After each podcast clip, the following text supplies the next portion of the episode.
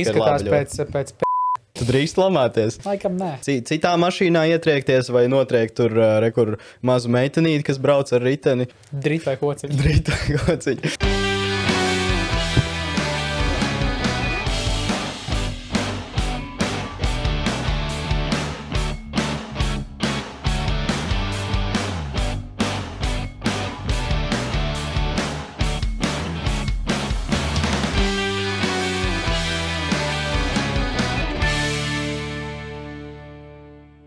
Nu, ko esam uh, studijā šoreiz ar ļoti augstu rangu cilvēku.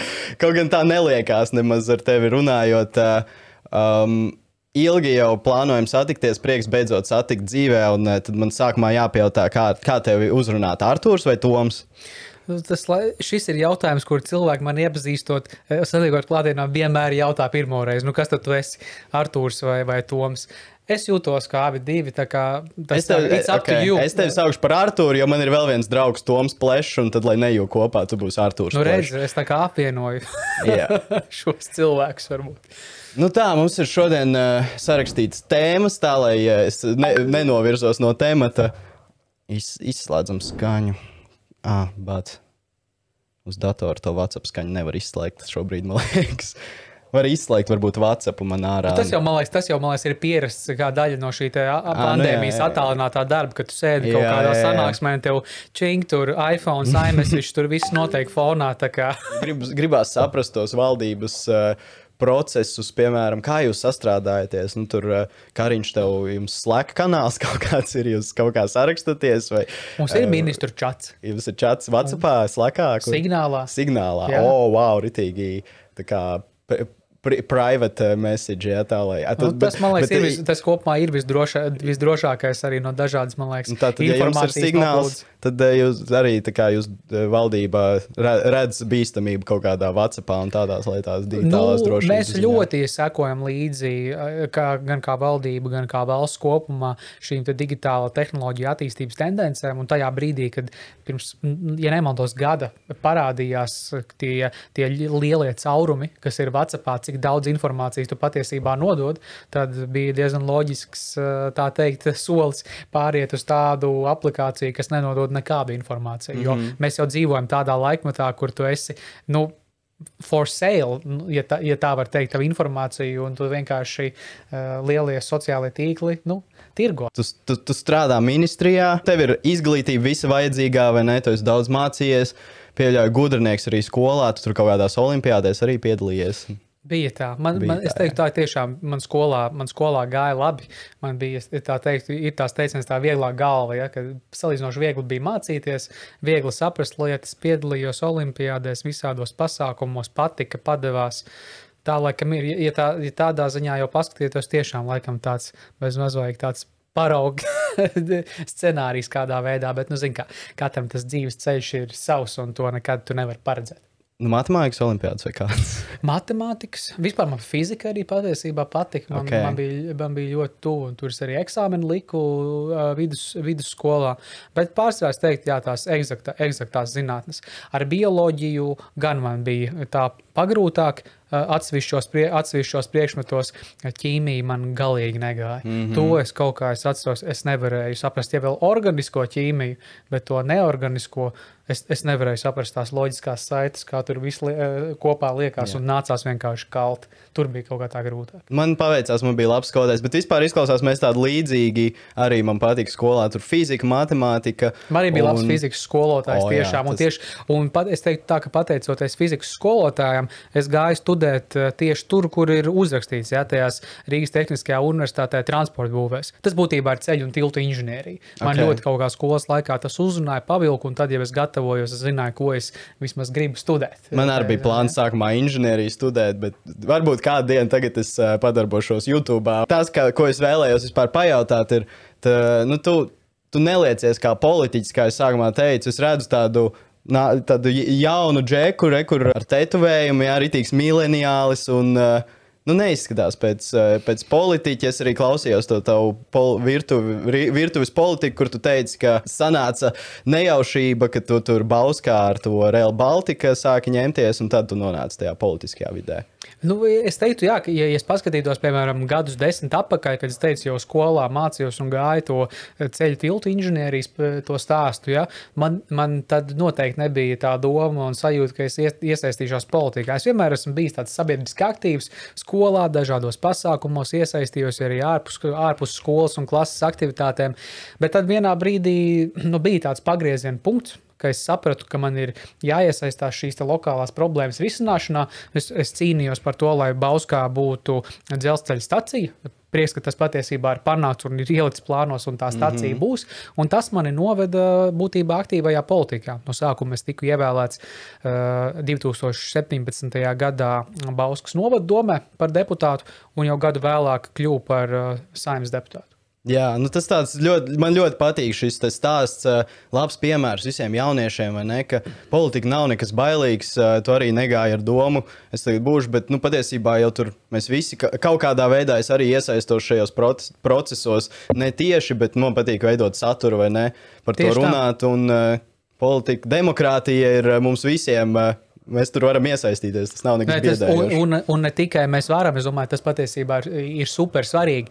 Man, piemēram, ļoti nepatīk tas, tas teiciens, ka jaunieši ir mūsu nākotne. Nu, nu, kāda nākotne? Jaunieši tagad dzīvo. Jā, mums ir jā, tagad jā. arī jābūt iespējai ne tikai iesaistīties, bet arī lemt par procesiem, jo mēs tagad dzīvojam eh, šīs planētas un arī mūsu valstī un dzīvosim vēl ilgu laiku. Mm -hmm. Tāpēc man šķiet, ir daudz svarīgāk, ka jaunieši tieši iesaistās procesos, apzinoties apzinoties to, kādā veidā mēs nu, ilgā termiņā šeit dzīvosim uz vietas. Tā kā, ja jūs jūtat sevī spēku, un Edgars, ja tu arī jūti sevī iespēju, ir, ir jāiet tajā politikā, un, un tā teikt, ir jākapā, ir jāstrādā, un tas tādā ziņā arī, arī noteikti mums visiem nu, būs labāk. Ir un tev jau, un, un tev jau patiesībā jau arī, tev jau, zin kā, tev ir pietiekami liels uh, atbalstītāju un sekotāju lokus, kas arī jau klausās, ko tu, ko tu saki, tavas idejas, redzējumu, un tādā veidā arī tu vari pozitīvi ietekmēt ietekmēt procesu. Jā, bet zināmā mērā vēl aizvien ir nu, tā sajūta, ka tas kaut kas tāds nepatīkams.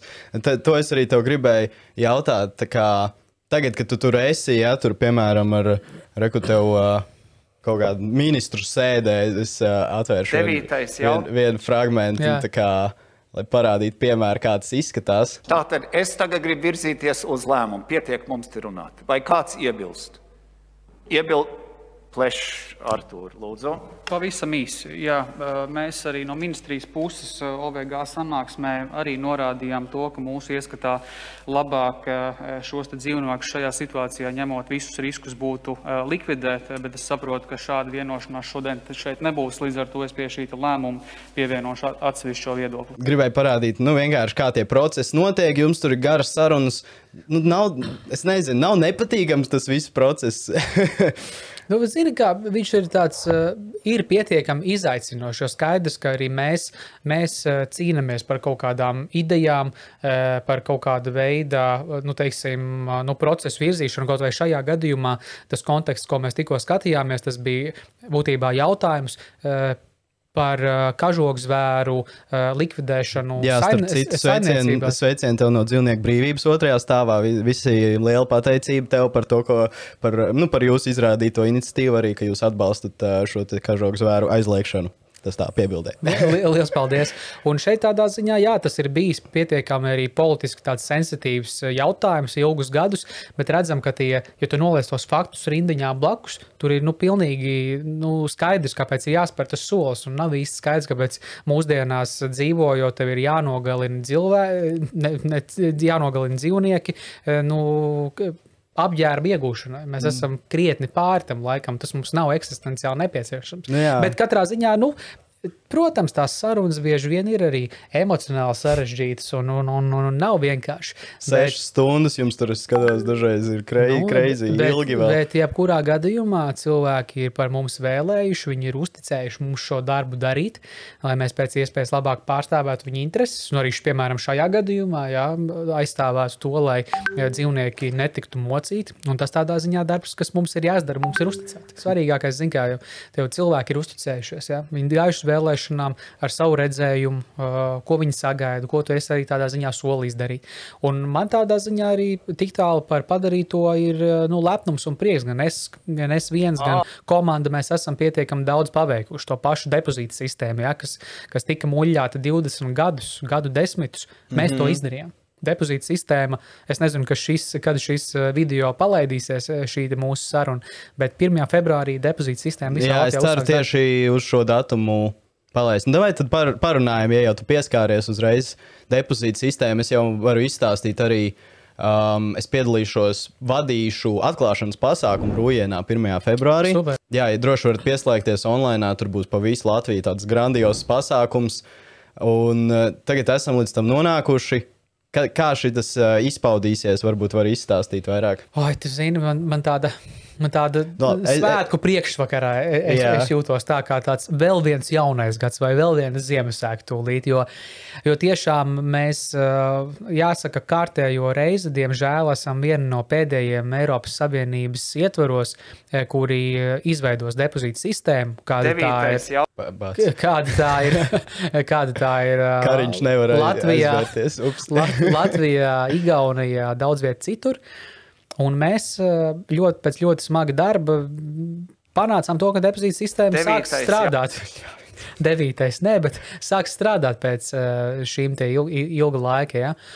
Un, un, un es domāju, ka tas svarīgākais ir tas, ka mēs dodam cilvēkiem to iespēju līdzīgi kā citvietā, nodot šīs pudeles, depozīta sistēmas. 1400 vietas. 1400 vietas. 700 ir uh, automatizētās, kā vairāk, tās automatizētās. Vairāk, vairāk kā 800 automatizētas. 800, okay. Un manuāls, bet es domāju, ka ar laiku paliks automatizētas.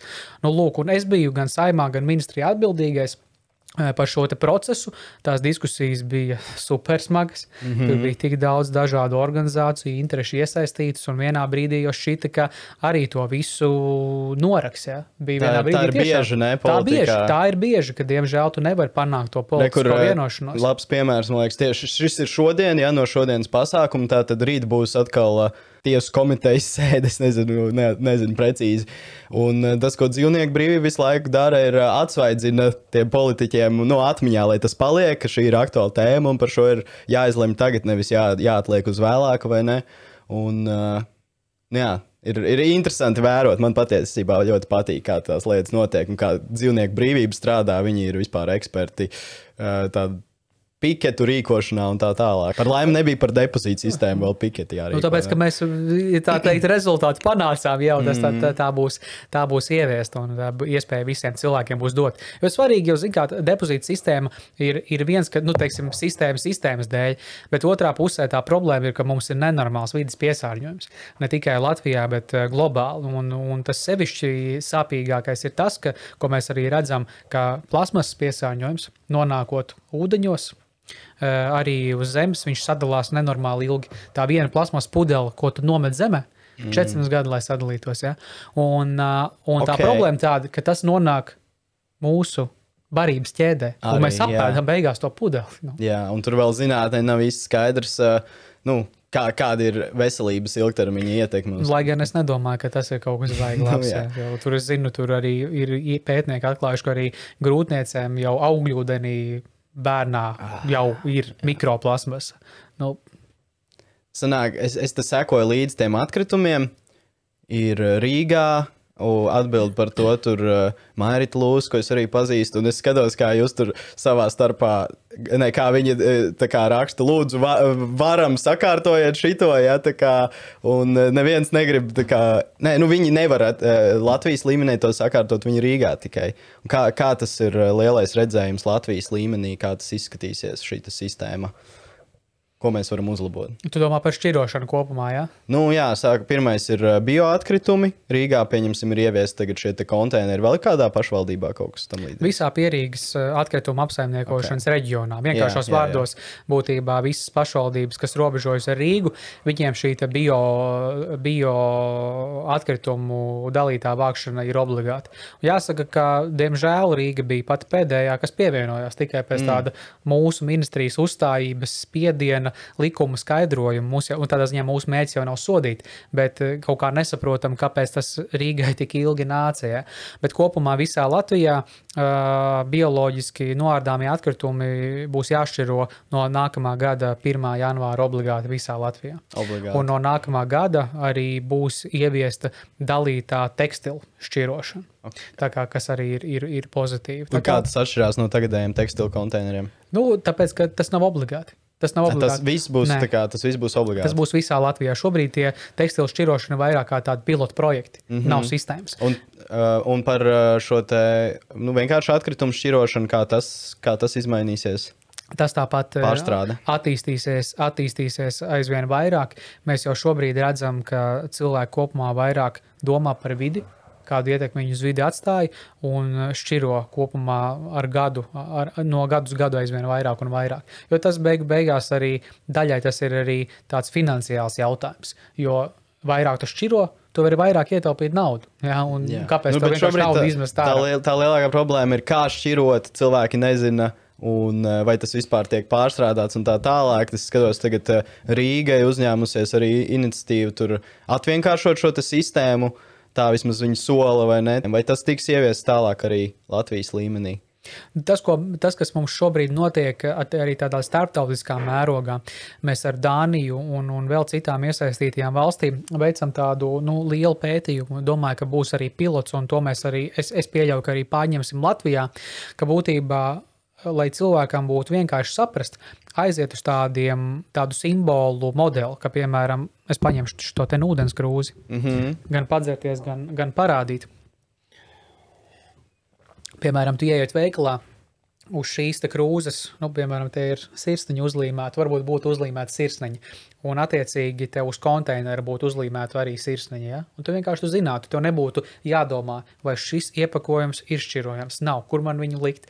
Tu vienkārši zinātu, tā kā šeit ir sirsniņa, man tas jāliek konteinerī, kur ir sirsniņa. Ja, tā kā šodien, šobrīd notiek tāds arī starptautisks, starptautisks pētījums un sadarbība, es domāju, ka tur būs tādi nu, labi praksi, ko mēs arī varēsim pārņemt Latvijā.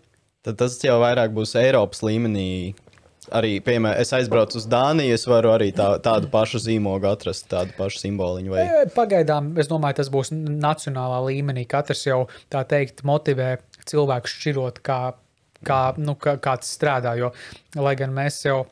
Teiksim, tāpēc kaulu un ādas esam līdzīgi visi mm -hmm. kā cilvēki, bet tās sabiedrības ir dažādas, kultūras ir dažādas, un arī izpratne par to, kāpēc šķirot ir svarīgi, ir dažādi. Līdz ar to mums pašiem pašmājās ir jāsaprot, kas mums vislabāk strādā, kā mēs varam vairāk cilvēku iesaistīt okay. Ok. procesā. Tad arī vienmēr gribas jautāt, kā tās visas idejas jau ir, man liekas, desmit gadu un ilgāk. Tu saki, re, ka jūs tur ar Dāņu arī kaut kādiem kolēģiem tiekaties, jūs runājat par šo ideju, un kad, kā tālāk tā implementācija, kā notiek tas viss process.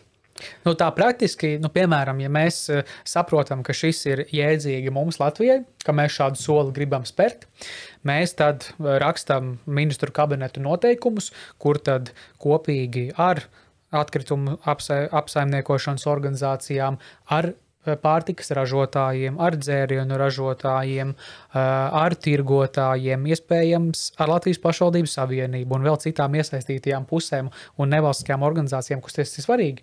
Apspriežam šos te noteikumus, cenšamies atrast labāko risinājumu, nesam uz valdību, izdiskutējam, apstiprinam.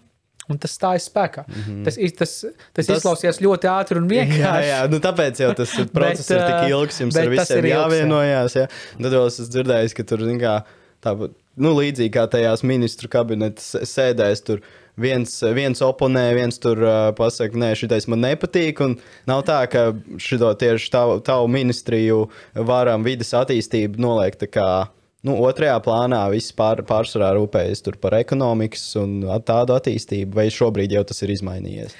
Es, es teiktu, ka tas uh, ir izmainījies. Kopumā varētu būt vēl labāk. Es domāju, ka tas ar laiku izmainīsies, bet uh, lielā daļā, protams, šo, šo pārmaiņu motivē arī nauda. Mm -hmm. Un mēs redzam, ka, piemēram, Eiropas Savienības fondi tuvākajos gados ieguldījumi ir jābūt tādiem, kuri ir saskaņā ar klimata mērķu sasniegšanu. Un līdz ar to tas nozīmē, ka katrai ministrijai, vai tā būtu zemkopības, vai satiksmes, vai ekonomikas ministrija, ir jādomā par pasākumiem, veicot investīcijas, kā tas palīdzēs arī samazināt CO2 izmešus un kopumā cīnīties ar klimatu krīzi. Tā kā pozitīvais ir tas, ka mēs vairs neesam vieni ja, Tas tas, balsī. un šajā Eiropas cīņā. zaļais kurs zem tā visa apakšā. Vai? Ja Eiropas zaļais kurs būtībā ir milzīgs virziens. Milzīgs virziens, kādā veidā mēs pārveidojam mūsu ekonomiku par zaļāku, par tādu, kas mm -hmm. ir vidē draudzīgu un tādu, kur mēs dodam arī cilvēkiem jaunas iespējas nopelnīt, jaunas darba vietas radīsies un, un pilnīgi jaunas nozares, par kurām mēs vēl šobrīd pat uh, nezinām, ja, ja tā var teikt. Un šī te virzība uz klimata neutralitāti, uz to, ka mēs uh, neiz, neizlaižam tik daudz uh, šos emisijas gaisā. Eh, Tā ir daļa no šī zaļā kursa. Okay. Um, te es bišķiņu tādu jautājumu uzdošu vēl va- vairāk par šo tēmu no tāda konteksta, ka ir tāds, man atsūtīja vakar rakstu, mēs uh, runājām par, ir tāds Dag, Dagnis Dubrovskis, mm -hmm. viņš tagad ministrijā strādā. Mm -hmm. Un, uh, nu, tur tas raksts konkrēti par to, ka viņš ir tur atbalstījis, izteicies ja, tur par uh, za, zaļi, ši, šīm dabai draudzīgajām visām iniciatīvām un viss, kas notiek.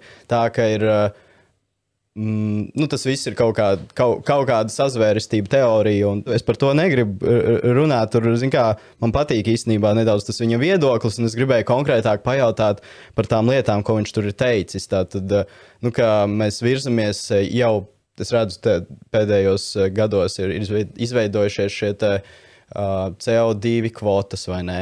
Un tas, uh, ko viņš tur minēja, ka tas pāries vēl vairāk uz to, ka par visu būs jāmaksā, par visu.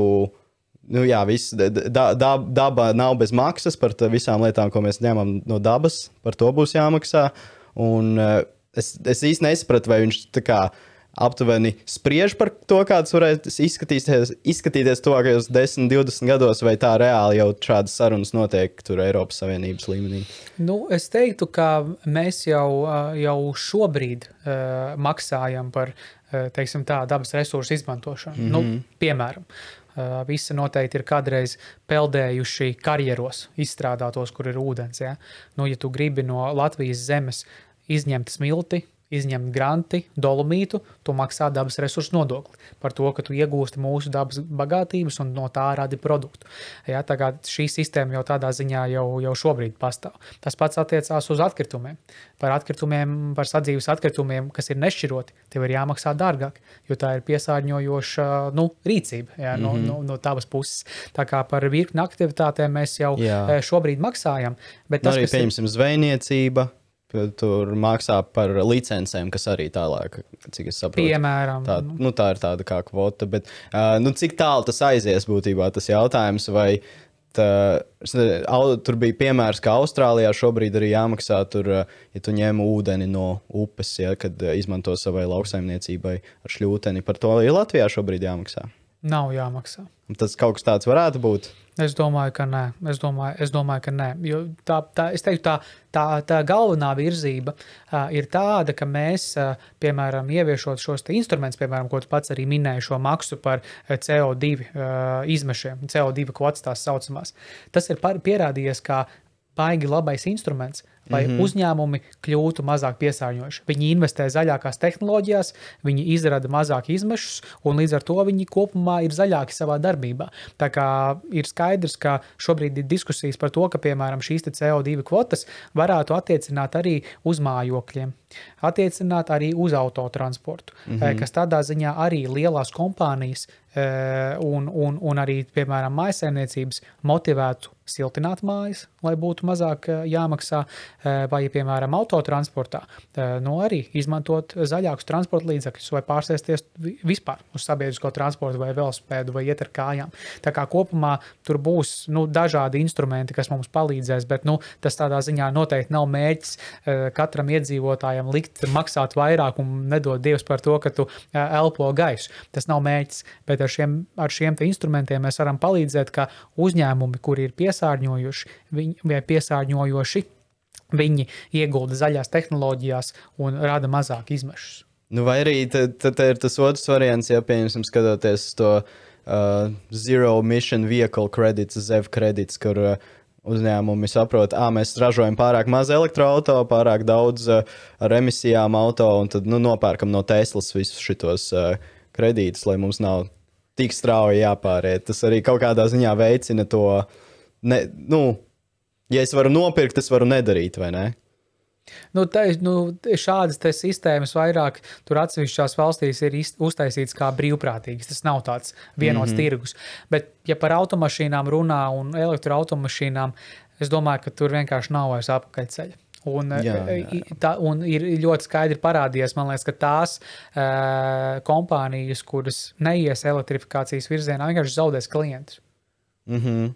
Nu, tas ir uh, arī ekonomiski izdevīgāk. Es skatos, pats ir tāds Protams. uh, foršs džekiņš, uh, Tonijs Sība, varbūt esi dzirdējis, kurš ir uh, daudz, daudz uh, pētījis, analizējis datus. Jau pirms desmit gadiem viņš uh, paredzēja to, ka tur uh, saules paneļu cenas un bateriju cenas kritīsies par 80%. Visiem likās, ka viņš ir crazy, kad viņš to pateica, un tāds tāds noticis, un Tāds vēl straujāk nokritās. Jā. un Un, vējam tas pats. Jā, Vēja jā. Būtībā šobrīd arī, eh, zin, varbūt, nezinu, es dzirdēju par, par šo obligāto iepirkumu komponentu, jeb oiku. Ja?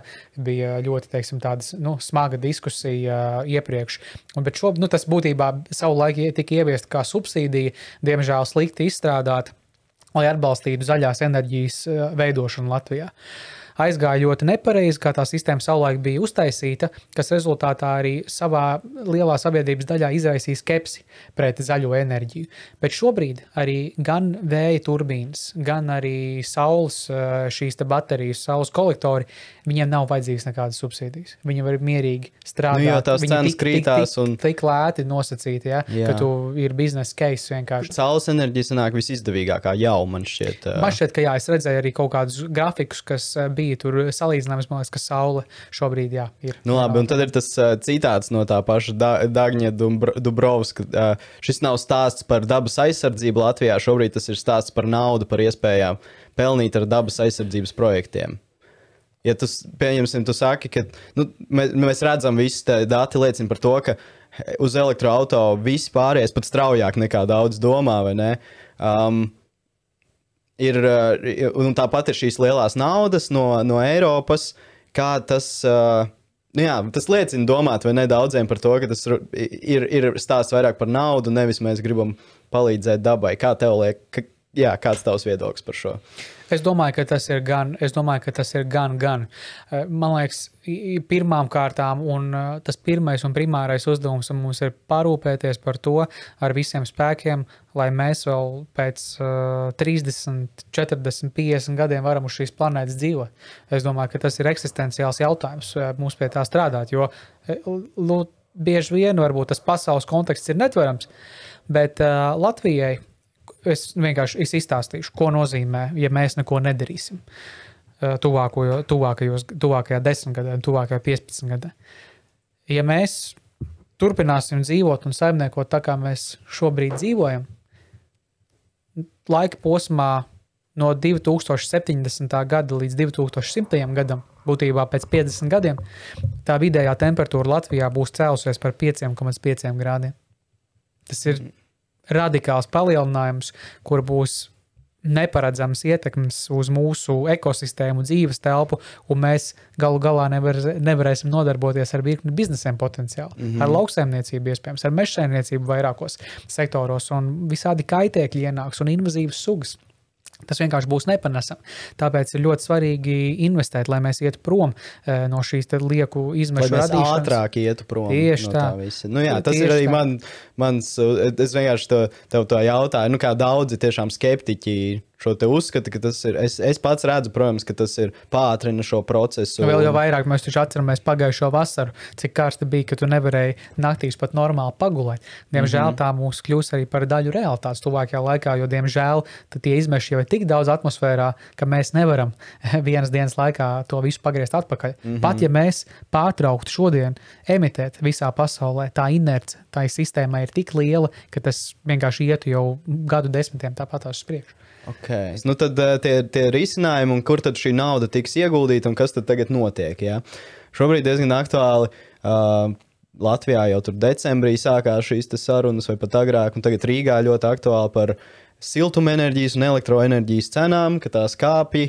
Un man tāds, nu, protams, ka tās kāpj nav pārsteigums, ja mēs vēl aizvien esam uh, ņemam enerģiju no neatjaunojamiem resursiem, tad tās, tās kāps. Uh, tad tev uh, jautājums, re, kur, kā, kāds būs risinājums, jo šobrīd jā, tad, tad, tur uh, ir liels piesārņojums gaisa no. no Bio, biogāzes, jā, nē, no gāzes, gāzes. nu, no gāzes apkurss.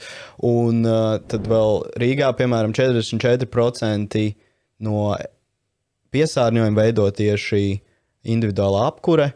Tagad viņiem tālāk tur izvērtās diskusija par to, vai tas ir uh, no, tieši no tās gāzes, vai cik liels procents no tā ir arī no, no kaut kāda biomasas un tā tālāk. Tu varbūt zini precīzāk, es nezinu. Es tos Tad, konkrēti nu jā. par Rīgu nezināšu, bet, uh, Bet Latvijā tieši varbūt. šodien, kā mēs runājam, patiecībā, patiesībā es pat taisno braucu pie tevis uh, no, no sanāksmes, kur mēs šodien vienojāmies par atbalstu sniegšanu iedzīvotājiem saistībā Oh, ok. ar elektroenerģijas un siltumenerģijas cenām.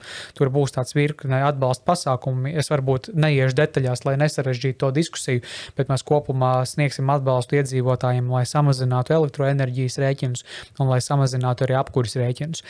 Taču no otras puses, tas ir tāds īstermiņa risinājums uz šiem Nu jā, četriem jā. mēnešiem, uz šo sezonu. Tāpēc mēs arī no ministrijas puses eh, piedāvāsim variantu un piedāvāsim risinājumu, kā pāriet prom no šīs gāzes izmantošanas, jo skaidrs, ka arī Krievija savu lomu spēlē ar cenu manipulēšanu, ja, un, un zinot to, eh, cik eh, tā vārīga šobrīd situācija pasaulē ir, arī šeit mums pat netālu kaimiņos, grūti jau paredzēt, kāda tā nākamā ziema būs. Ja?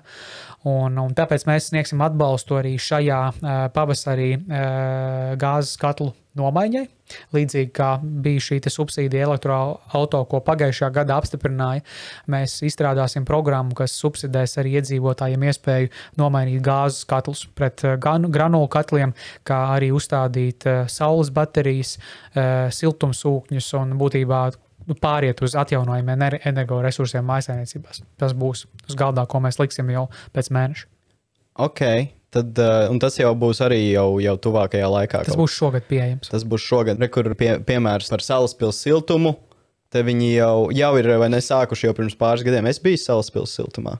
Man, diemžēl, vēl nav, Nav nav sanācis. Es biju eh, pagājušo vasaru aizgājis, un re, kur uh, šobrīd. eh, Bet es zinu, viņi bet zinu viņu tādā ziņā, Tikai ka man ir sanācis ar 10% viņiem ir. tikties. Jā, es esmu jā, ar viņiem jā. ticies. Tas ir būtībā, kā, kā tas varētu izskatīties. eh, Te jau ir tāds piemērs. Ne? Tā, tā es saprotu, ka pārējiem re, kur eh, samazinām biogāzi, pārējiem uz kaut kādu šķeldu, biomasu. Un viņiem cik saules un, parks un ir liels. Mhm. saules enerģija, jā, vispār. Mm. Tad, tā, tā arī tas šādas, šādos projektos notiks investīcijas, tā es saprotu. Tur būs arī citi papildus instrumenti eh, pašām eh, pašvaldībām, bet tas, ko mēs domājam, pri- primāri arī koncentrēties uz šo te individuālās apkuras sistēmu Individuāli, nomaiņu. ok, tieši. Jā. Nu, tiem, kam cilvēki, cilvēki, piemēram, kuri kurina dabas gāzi, lai viņiem sniegtu atbalstu, nomainīt katlus un sagatavoties būtībā jau nākamajai ziemas sezonai. Labi, te varam uzreiz pieskarties eh, nākamajai tēmai, ko es gribēju tev pajautāt, eh, kas ir eh, aktuāla vis, visiem mums par klimata likumu. Tad viņa kontekstam, tātad es pirms diviem gadiem jau par šo tēmu sāku interesēties, biju aizgājis, man liekas, tieši. Kad uh, bija uzrīkots pasākums, kad prezentēja pirmo reizi 19. gadā plānu līdz 2030. gadam klimata pārmaiņu pielāgošanās plānu. Tātad, uh, Un es tur sēdēju, klausījos, tur daudz interesantas lietas, vai ne, kā mēs tur piekrastes uh, pielāgosim. Un, un, Stiprināsim tur jā, tās piekrastes, kā ar meža ugunsgrēkiem cīnīsimies un vēl virkni Jā, jā, jā. Vairāk 80 pasākumu. Interesants dokuments. Tur bija, tur bija forša vēl prezentācija, to gan es gan vairs nevaru atrast. Es ceru, ka kaut kur var atrast internetā. Un uh, toreiz es atceros, mēs tur sēžam, beidzās. Uh, Tur tieši tā bija varama, vai ne? Man Jā, jā, šito mēs, šo, mēs, ministrija. šo mēs esam izstrādājuši. Tur bija, jā, man ļoti patīk, es varēju aiziet klātienē, paklausīties. Un uh, žurnālisti uzreiz pēc pasākuma jautāja, nu, ok, mums ir tas uh, pielāgošanās plāns, kur tad ir tas novēršanas plāns, tas klimata likums. Ja? Un es te pa paskatījos, tā tad ir jau mums bijis kaut kas līdzīgs, bet tas bija sen, jau 2005. gadā bija tāds klimata pārmaiņu samazināšanas pro programma. Un uh, te, tā tad. Uh, Baigi interesanti. Es tur pag- pagājušā gada augustā biju uh, tad tieši projektā Erasmusā, kur mums bija jāpēta visi šie klimata mm. likumi savā valstī. Un tad es iedziļinājos, te ir, uh, tas ir redzamākais no šī, uh, ko es saprotu, ir uh, tas, ka tika siltināts mājas, vai ne? Mēs at, es atceros bērnībā tur skolas un daudz dzīvokļu ēkas, un tas bija tā tad. Cik es saprotu, pateicoties šim, šim uh, samazināšanas programmai, ka tur vēl bija dažādi nu, nauda, laikam, no Eiropas Savienības un tā tālāk, vai ne? Pareizi saku. Nu, tur, tur būtu jāpaskatās tur, uh, detaļās, bet arī šobrīd mums ir būtībā tādi lieli dokumenti uh, spēkā, kas uh, tieši ar šo novēršanas sadaļu Jau, jau ir spēkā. Jā, ir tāds. Es domāju, ka tagad no 2010. Nē, nē, nē. pa vidu tur nekas Mēs to nav, nevarētu atļauties. Mēs to nevarētu okay, atļauties. Labi, labi, tas man iepriecina. Ir, ir tāds saucamais um, Nacionālās enerģētikas un klimata plāns okay. līdz 30. gadam, kas paredz arī konkrētus virzienus un investīcijas, kas mums ir jāspēr, lai samazinātu emisijas. Mm -hmm. Tajā skaitā siltinot ēkas, eh, tajā skaitā eh, pārējot vairāk uz elektroautorātu, tajā skaitā pārējot vairāk sabiedrisko transportu, un tad mums ir vēl viens tāds ilgtermiņa plāns un ilgtermiņa stratēģija klimata neutralitātes sasniegšanai līdz 2050. gadam. Tā kā nav tā, ka ka šis ir pēdējais. Tā, tā noteikti okay, nekādā gadījumā okay. nevarētu būt. Un mēs vienkārši arī ikdienā plānojot investīcijas un plānojot programmas, ne tikai mēs, bet arī mhm. citas ministrijas tiešākajā mērā domā, kā samazināt uh, no šīs pārmaiņas. Tajā skaitā siltinot ēkas, nomainot apkuras katlus pašvaldībās. Uh, Un tas uzskaitījums ir, ir, ir, ir garš, un, garš un garš. Būtībā arī šis, te, ja ir dzirdēts tāds atvesaļošanās fonds, eh, kur mums Latvijai būs pieejama 1,8 miljārdi eiro, eh, gan transporta jā. sistēmas attīstībai, gan nevienlīdzības mazināšanai un vēl virkni citām lietām.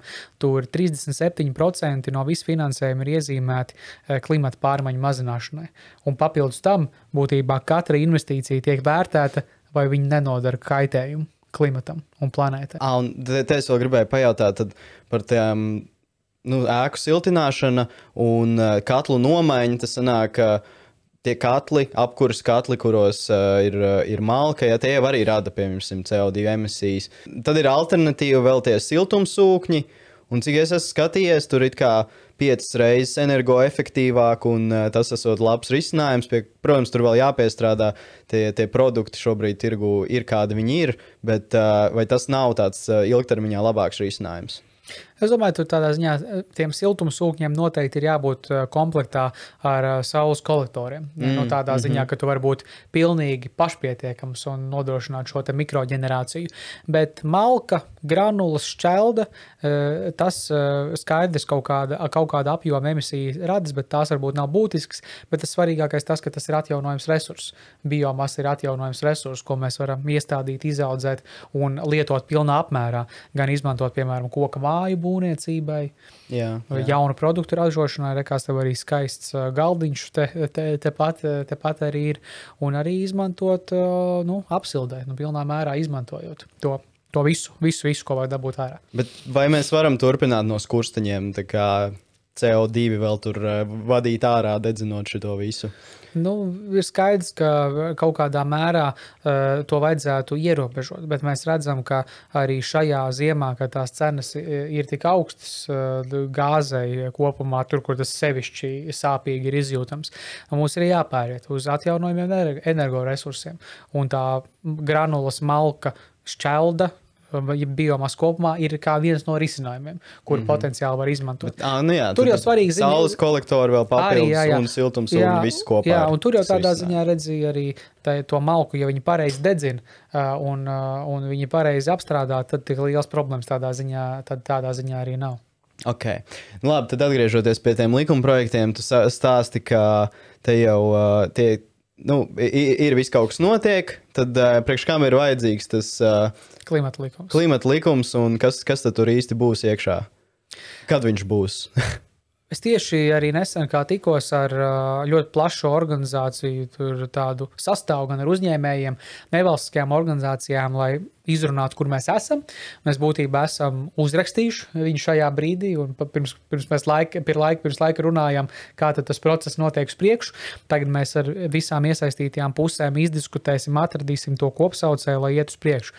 Bet šis likums ir svarīgs no tāda aspekta, ka mums šobrīd ir pirmām kārtām ļoti daudz normas ir izmētātas pa visām likumiem, pa visam dažādiem likumiem. Tās varbūt ir grūti interpretējamas, grūti saprotamas. Mēs tās savienojam uh, vienu vietu. Taču papildus tam mēs gribam iestrādāt arī šajā likumā instrumentus, kādā veidā mēs ciešāk sadarbojamies ar sabiedrību, kādā veidā mēs informējam sabiedrību, un kas ir ļoti būtiski, kas man liekas ir tāds, nu, teikt, viens no atslēga elementiem šajā likuma ietvarā ir tas, ka mēs e, nosakām katrai nozarei e, saistošus mērķus, kas ir jāsasniedz. Tādā ziņā būs katrai nozarei sava atbildība, sava, savs atskaites punkts. Mēs zināsim, cik daudz mērķu mums, e, cik daudz emisijas mums konkrētā laika posmā ir jāsamazina. Es domāju, tas, ka līdz šim tādā ziņā nav noteikts. Okay, es pētīju to 2005. gada to likumu. Tur arī bija dažādi mērķi. Daži no tiem tika īstenot. Tur bija līdz 2010. līdz 2020. gadam. Pa, tur vēl bija daudz par atkritumu apsaimniekošanu, un tur, cik es saprotu, vismazāk tika īstenots. Kas notiek, ja, ja ne, netiek īstenot šie mērķi? Nu, es, es domāju, ka mēs negribētu nonākt tādā situācijā, jo tad draud tāds process no Eiropas kā pārkāpuma procedūra. Tas nozīmē, ka, ja tu neesi ievērojis šīs te, te noteikto likuma rāmi, eh, ko, kas Eiropā ir, ir nosacīts noteikts, tad tev ir jāmaksā soda naudas. Okay. Tā kā, nu, vai mēs gribam uh, visi kopā maksāt par būtībā par to, ka mēs neesam parūpējušies par savu dzīves telpu, nu, tā atgādina sanākt, vai ne? Paldies, ka atbildēji. ļoti, ļoti labi atbild. Um, pie, pieskaramies vēl pie vienas uh, enerģijas tēmas, kas ir uh, ļoti liels emisijas rāda. Tas ir tātad elekt... Nē, nu, transports kopumā. Un uh, no šī gada stājies spēkā atbalsts elektroautorāta iegādēji. Um, tūkstot, nē, 4000 sanāk. 4500. 4500 beigās tad uh, sanāk. Elektroautorāta un 2200. Attiecīgi puse no 4500 par lietotu elektroautorātu vai par plug-in hibrīdu. Okay.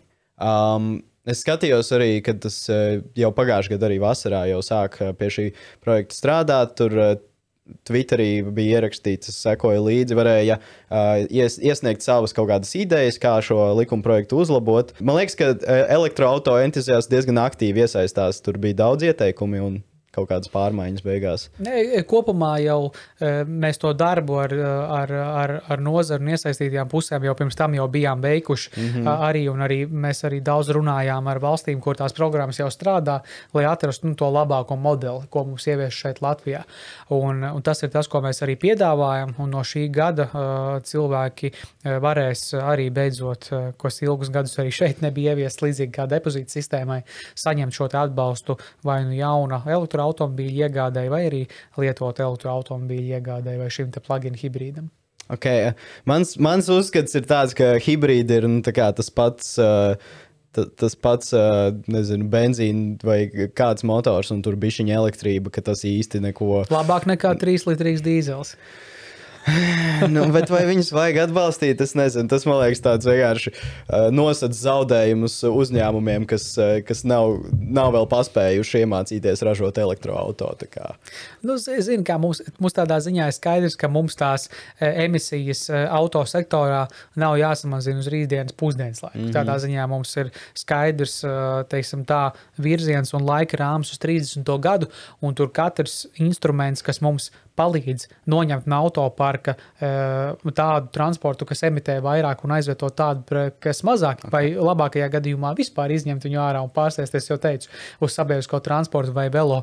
Tas ir pozitīvs solis, jo tas lielais izaicinājums mums ir ka ne jau mēs vienīgi domājam, kā vairāk cilvēkus pārsēdināt uz elektroautorātu. Arī citas Eiropas valstis par to mm -hmm. domā.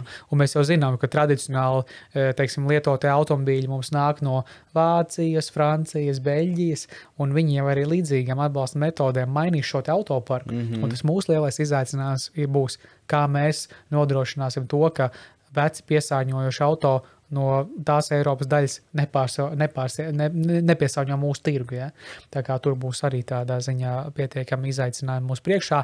Es domāju, ka šis arī ir nepieciešams un pareizs solis, lai plašāk attīstītu gan tirgu, gan arī uzlādes infrastruktūru. Cik strauji tev liekas, kritīsies cenas ben, benzīna mašīnām? Man liekas, vispār nav gudri šobrīd pirkt tādu, tādu auto, ja tu pērci jaunu. nu, Jā, jau jāskatās, protams, arī no, no cilvēka rocības, cik, eh, ko, tu, ko, tu vari, ko tu vari atļauties. Bet, protams, tādā ilgākā termiņā, nu, ja tu pēc, piemēram, šobrīd, ja tu, piemēram, tā, ja tu, esi, ja tu dzīvo Rīgā, ikdienā pārvietojies daudz ar auto, novieto stāvvietās, varbūt viņš tur tur. Nu, būtībā tev šajā brīdī pat bez subsīdijas ir lētāk pirkt elektroautorātu nekā iekšzemes dzinēju. Nu, jaunu, kaut kādu jā. jā, jaunu, jā, varbūt nu, patiesībā arī lietot. Tev nav jāmaksā par stāvvietām, mm -hmm. tev nav jāmaksā par reģistrāciju. Ah, jā, jā, tev, patiesi. tu vari braukt pa sabiedriskā transporta lo- joslām, un, un tur ir virkni citu tā teikt, ieguvumu. Tā kā viennozīmīgi tā pārēja būs straujāka un, un straujāka. To mēs arī redzam pēdējo gadu dažādos statistikas datos, ka tā, tas elektroautomobīļu ienākšana tirgū notiek nevis lineāri, bet ar tādu nedaudz eksponenciālu jā. Un uh, nezinu, nav zināms, cik ilgi vēl būs šīs bezmaksas stāvvietas. Un, uh, Es domāju, ka, es domāju, ka pagaidām tas nemainīsies. Es neesmu dzirdējis, ka tas mainīsies. Nu jā. Tā kā tas ir. Līdz 50%, kad būs 50% elektroautorāta, kas tad notiks? Nu, tad iespējams būs citādāk. Jā. Jā, ok. Un uh, te es tātad palasīju, te ir individuālais atbalsts cilvēkiem, nu, kas privātpersonām, kas vēlas nopirkt uh, elektroautorātu tikai vai ne? Tieši tā. Un vai nav tā, ka uzņēmumi būtu pirmie, kas, eh, kas būtu gatavi veikt šo investīciju, nopirkt jau, jaunu elektroautorātu, vai, vai viņiem nav vajadzīgs atbalsts, vai kā jūs tur uzskatāt? Eh, Es domāju, ka viennozīmīgi uzņēmējiem ir vajadzīgs atbalsts. Man jāsaka paldies arī nu, daudziem tiem, kuri jau ir mainījuši savu autoparku un, un lēnām arī pāriet uz, uz zaļākiem risinājumiem. Ja? Eh, Vienlaikus eh, ir mums arī, teiksim, tā, ka mēs arī valstī plānojam investīcijas un plānojam naudu, lai tās programmas un investīcijas nepārklājās. Jo mēs zinām to, ka arī ir aktivitātes, kas ir plānotas citas ministrijas, ekonomikas ministrijas ietvaros, mm -hmm. kur viņi izstrādās tieši mm. atbalstu uzņēmumiem, elektroautorātu okay. iegādē. Līdz ar to nebūtu vienkārši loģiski, ja mēs taisītu nu, identiskas programmas, kur nauda pārklātos. Tādā ziņā labāk ir, ka mēs plašāku sabiedrības daļu Tad Tas, aptveram. tas arī būs, jā, tas ir jau zināms. Vai? Jā, jā, jā, tas ir ierakstīts jau plānā, pie okay. kā tur otra ministrija strādā. Un eh, tad te par, līd, par to pašu tēmu. Um, sanāk, pie, piemēram, es nopērku Teslu kā privāta persona ar šo atbalstu. Tur rakstīts, es nevaru viņu izmantot uh, nu, komerciāliem nolūkiem. Bet pēc pāris gadiem, ja man tur uh, ir autopilots, ja, ja tā sistēma attīstās, un es varu, piemēram, šo mašīnu palaist uh, nu, tajā taksija, autonomā taksija tīklā, vai tas skaitītos kā komerciāls uh, mērķis? Tas skaitītos, bet es domāju, ka tik ātri mēs līdz autonomai braukšanai vēl nenonāksim. Es domāju, tur vēl bišķiņi mums ir, tur, tur ir jāpadzīvo. Bet bū- būtībā, jā, nu, tas, tā, tā, tā vienkāršā, vienkāršā atbilde ir, ka tu nevari būtībā strādāt par uh, taksistu. Nu, tādā ziņā izmantot. Bet, ja mana mašīna pati brauc kā taksis, es, es tur nepieskaros. Es domāju, vispār. tur vēl ir daudz, daudz Ok. okay. tādu juridisku jautājumu. Tas, piemēram, par to pašu mākslīgo intelektu. Bet jāsāk jau par runājot, šito jā. domāt, Ne, ne? nu, piemēram, par mākslīgo intelektu runājot. Tas ir, tas ir ļoti tāda arī interesanta un arī nu, tēma. Nevis tikai nevis viņa tikai ir interesanta, bet par ko būs jādomā. Kurš ir vainīgs, ja algoritms, piemēram, izdara kāda veida bojājumus? Kurš ir, nu, piemēram, tajā pašā par to kādu elektroautorātu autonomā braukšanu runājot? Nu, par Tie to ceļi- jau nu, nu, tam, ceļi tam savis- nevajag pieskarties. Nu, pagaid, Zini, kā bet tas nē, ir bet zini, kā es tev varu izstāstīt. Šobrīd tas tā ir pirmā lieta, par ko runā kaut kādās mākslīgā intelekta nu, skolā, kad mācās par mākslīgo intelektu augstskolās. Un tie ir tādi jautājumi, kuri nu, reālajā dzīvē parādās ļoti reti, vai ne? Tur šo, šobrīd ir atbildīgs pats braucējs, bet uh, palaidīs jau to sistēmu tikai tad, kad nu, tā būs daudz reižu drošāka nekā Protams. cilvēks braucējs. Līdz ar to mums vairāk jāfokusējas uz to, cik daudz dzīvības tas izglābs, nevis uz to, ka tur tā- tiem Nē, nē. dažiem gadījumiem. Protams, tev tas, leģi, tas ir leģitīms arguments un jautājums, ko tu saki, bet tik un tā ir skaidrs, ka tās neviena sistēma nav simtprocentīgi droša. Jā, jā. Incidents būs. Un tajā brīdī, ja būs kādi incidenti, kurš būs atbildīgs? Algoritmu izstrādātājs, kompānija. Šoferis, kurš tur nebija, kur, un iespējams, kuram nebija tur jābūt, ka viņš mierīgi varēja sēdēt blakus. Jā, Nu, un tad kur, kur mašīna izvēlēsies notriekt? Vai tur ci- citā mašīnā ietriekties, vai notriekt tur uh, re, kur mazu meitenīti, kas brauc ar riteni? Nu, droši vien, ka citā mašīnā. Nu, jā, tur tie šitie te jautājumi, bet parasti. Jā, tas at- atbilde ir, nu, tā kā par tiem jautājumiem mums nebūtu jādomā, jāizveido sistēma, ka vienkārši pēc iespējas tas nenotiek. Viennozīmīgi, jo te jau par to mākslīgo intelektu, tu, man liekas, arī var runāt stundām un stundām. Un tāpēc arī nu, ir tik ļoti svarīgi, ka dažādi veidi mākslīgā intelekta risinājumi tiek attīstīti ļoti daudzveidīgās un dažādās komandās, ka tu jau tā mākslīgā intelekta pamatnē neieprogrammē, kas, ir, ka tu, kas vienkārši tas ir biased teiksim, par jā, vienu jā, jā. risinājumu vai vienu redzējumu. Un tiem ir nu, lieli riski, par ko šobrīd gan mēs Latvijas līmenī, gan Eiropas līmenī domā. Vai tiek domāts arī par to nu, uzlādes tīklu, kas šobrīd ir uh, lielākā problēma. Ja, ja skatās pētījumus, tad elektroautorāta īpašnieki vairs neuztraucās tik ļoti par ilgumu, cik tālu varēs aizbraukt, bet uh, uzlādes pieejamība. Satiksmes ministrija pie tā darbojas. Šobrīd ir diezgan daudz uh, visā tīklā, visā Latvijā izvietot šie valsts uh, tīkli, bet es redzu, ka ir arī dažādi veidi šie te, nu, komerciālie risinājumi, kas attīstīsies. Un es domāju, ka tur tādā ziņā ir svarīgs priekšnoteikums, lai būtu automobīļi. To mēs palīdzam, nodrošināsim, lai to saņemtu. Tas palīdzēs attīstīt infrastruktūru, būs infrastruktūra, atkal cilvēki pirks vairāk nu, elektroautorāta sapratīs, ka tam ir nu, tad, jēga. Tad būtībā šeit jūs tam tajā likuma projektā tur nav par to vispār runāts. Vai? Tādā ziņā, tādā ziņā nē, nu, tas ir tāds atsevišķs programma tikai, tikai Nē. šim atbalstam. Okay. Par, principā mums jau nav liela valsts, par to arī nav tik ļoti jāuztraucās. Un Tesla jau tagad, piemēram, būvēja Reizeknē, laikam, pirmo to Teslas uzlādes stāciju. To es esmu dzirdējis. Mm -hmm. uh, tad, uh, nu jā, par mākslīgo intelektu un visu to runājot. Uh, Es redzēju, tev sakojot līdzi storijos, tu tur braukā uz Briseli un visu kaut kur apkārt. Un tas lielais, lielā tēma, ko es visur redzu, ir digitālā transformācija.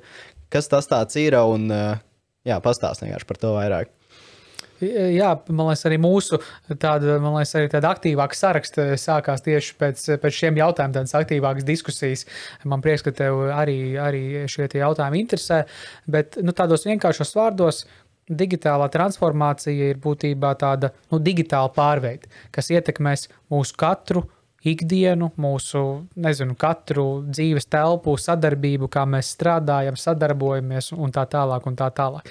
Līdzīgi, ja mēs runājam e, par klimata mērķu sasniegšanu, katrai nozarei ir jāizdara savs darbs. Tā arī šeit, digitālās transformācijas kontekstā, uzņēmēji uzņēmē darbības veidi pārveidosies, e, tie kļūs arī vairāk digitāli, mēs ieguldīsim vairāk savās prasmēs, lai mēs prastu navigēt digitālajā telpā un ar dažādu veidu e, ierīcēm un, un gadgetiem. Un tas tādos vienkāršos vārdos uh, arī būtu nu, tā, tā esence. Jo tas, kas ir, kas, ko mēs esam novērojuši pēdējos divos gados, kā arī Covid-19 pandēmija mums iedeva tādu grūdienu uh, digitālai pārveidē. Jo ļoti daudz Covid-19, Covid-19, jā, jā. Nu, lūk, jo, jo, jo Daudz tehnoloģijas jau bija uh, uz vietas, un viss jau strādāja. Mēs vienkārši iemācījāmies arī strādāt, attālināt, sadarboties, un tas ir uz palikšanu. Mm -hmm. Mēs tā būs mūsu ikdiena. Arī visi šie te, uh, lielā sociālā tīkla giganti paziņojumi par metaversu un iešanu tajā virzienā. Es domāju, ka pārskatāmā nākotnē tas būs daļa no mūsu ikdienas, kā mēs tad, strādāsim, sadarbosimies. Jā. Tad tas viss arī ietilpst tajā digitālajā transformācijā. Jā. Jūs tur domājat, kā uzbūvēt kaut ko metaversā, piemēram? Nu, to mēs vēl pagaidām nedomājam. Okay. Līdz tam vēl mēs nonāksim, bet mēs arī domājam, kā valsts pārvaldi no mūsu, mūsu pusē padarīt iedzīvotājiem tuvāku, ka viņš var, nu, uh, nu piemēram, vienam no mūsu tādām. Nu, tādām domām, kā nākotnē arī valsts pārvalde varētu attīstīties, vai cilvēkam būtu vienkārši ejot. Nu, šobrīd, lai, lai, tu ej, lai tu iet uz mežu un tev ir jānocērt koks vai koki, tev ir jāsaņem nepieciešamās atļaujas. Protams, loģiski, ka tu to vari darīt.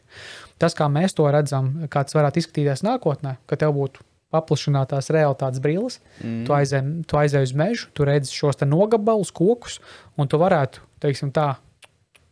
Atzīmēt, kuras kokus tu gribi. Es, es par šo vienkārši sapņoju, par šādu Jā. realitāti. Un tev ir automātiski tev tiek izsniegta atļauja, un es domāju, ka tā būs nākotne, kur mēs, tas ir tas, ko mēs arī pamatā veidojam politiku. Tas nenotiks ātri, jo tur ir daudz dažādu procesu, bet eh, mēs ejam šajā virzienā, lai padarītu arī valsts pārvaldi tuvāku un tādu, kas sadarbojas ar cilvēku un uzņēmējiem. 5G internets būs visiem pieejams. Noteikti, noteikti. Es domāju, ka noteikti būs. Tā mums arī tāda jā, liela tēma, pie kuras mēs strādājam. Mēs arī rīkojam katru gadu tādu lielu pasākumu Latvijā, 5G teritoriju, kur brauc uzņēmēji, lēmumu pieņēmēji, lai nu, domātu, kādā veidā mēs šo tehnoloģiju varam attīstīt. Tā kā šeit arī ir nu, milzīgs darba lauks un milzīgs virziens, kuros strādāt.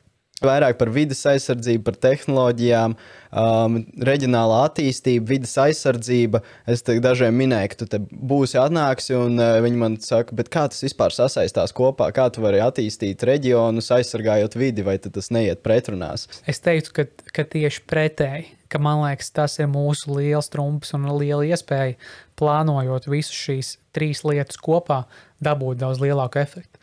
Jo, piemēram, uh, ja mēs kļūsim daudz digitālāki, skaidrs, ka pieaugs arī datu apjoms. Ja? Būs nepieciešami vairāk datu telpas, serveri, arī nezinu, šī kripto mainings arī mm -hmm. prasa nenormāli daudz resursu un rada patiesībā nenormāli daudz izmešus. Un tas nozīmē, ka būs arī jā, tās tehnoloģijas jāpadara zaļas, lai viņas iet, atstātu mazāk ietekmi uz klimatu. Uh, Ja mēs runājam piemēram par sasaisti reģionālās politikas un reģionālās attīstības ar, ar vidas aizsardzības jautājumiem, liela sadaļa no mūsu arī ikdienas darba ir aprits ekonomikas attīstība. Tas ir tas, ko mēs teiksim, runājam par depozītu sistēmu un pārējo. Ja? Un šeit mēs redzam, ka aprits ekonomikai ir ļoti liela loma arī tajā, lai mēs reģionos uz vietas radītu jaunas darba vietas. Un tur vēl, protams, arī nāk dažādi veidi digitālā risinājuma. Tāpēc, tāpēc patiesībā, ja dažkārt varbūt šķiet, ka tas ir kaut kas nesavienojams un grūti savienojams kopā, tad patiesībā tam visam ir liela jēga un tu vari dabūt no šī tādas sinerģijas daudz vairāk ārā. Labi. Es gribu uh, ielikt linku. Vienkārši mums ir jautājums uh, no piedziem gara, tad vien, viens uh, tieši par reģioniem. Kā varam uh, redzēt jaunatnes speciālistu uh, un jaunatnes darbinieku, to cilvēku, kas ir uh, jauniešu centros iesaisti un uh, formu, kā viņi var iesaistīt jauniešus, lai attīstītu reģionus? Nu, šis ir ļoti labs jautājums, un tas ir super svarīgi. Un es šeit varu padalīties arī no savas pieredzes. Kā man gāja, kad es vēl biju ievēlēts Bauskas novada domē. Tajā brīdī vēl Bauskas novadā nu, nebija tādu šo te jaunatnes speciālistu, kas darbojās nu, teiksim, tā pilsētā eh, un arī pagastos specifiski ar šīm jauniešu lietām. Un man izdevās panākt, ka šāda veida darba vieta tiek izveidota gan pilsētā, gan katrā pagastā. Un mēs šodien redzam ļoti pozitīvas atsauksmes un tendences, kā tas ietekmē gan domāt, kas ir jauniešu problēmas un kā tās palīdzēt risināt. Un tas daudzās pašvaldībās arī ļoti, ļoti labi strādā. Bet, lai piešķirtu lielāku domu un arī lielāku vērienu no valsts puses, mēs jaunajā likumā par pašvaldībām esam ietvēruši arī to, ka viena no funkcijām, kas agrāk nebija bijusi, kas pašvaldībām ir kā pienākums, ir darbs ar jaunatni. Un tas visciešākajā mērā palīdzēs arī šo reģionālo attīstību veicināt. Labi, bet par to arī vairāk eh, pajautāsim mums pēc nedēļas. Vispār vēl saruna ar izglītības ministri. Būs, būs interesanti. Paldies tev liels par atvēlēto laiku. Uh, tev jau jāskrien tālāk. Piedod, es, es ļoti gribēju iziet cauri visām tēmām. Es ceru, ka ne pēdējo reizi mēs tiekamies. Noteikti jā, runāsim jā. vēl. ok, bet cik tu vēl ilgi esi tagad uh, amatā? Vēlēšanas ir šī gada 1. oktobrī. Un tās tev ietekmē, tu vari palikt vai nepalikt, vai kā tu es varu palikt un varu nepalikt. Ja man cilvēki ne, neies uz vēlēšanām un neusticēsies man, tad, eh, tad amatā nepalikšu. Mm -hmm. Ok, nu es tev novēlu veiksmi. Man patīk, ka tu esi amatā, jo mēs varam tā parunāties, un es tev tagad jau pazīstu personīgāk. Kā. Paldies tev liels! Paldies tev! Un uh, tiekamies nākamreiz! Vai tu vēlēsies parakstīties, varbūt, ja tev vēl ir laiciņš uz yeah. sienas? Jā, tāpēc es domāju, tik skaista siena. Yeah. Es domāju, vai man arī piedāvās. Paldies!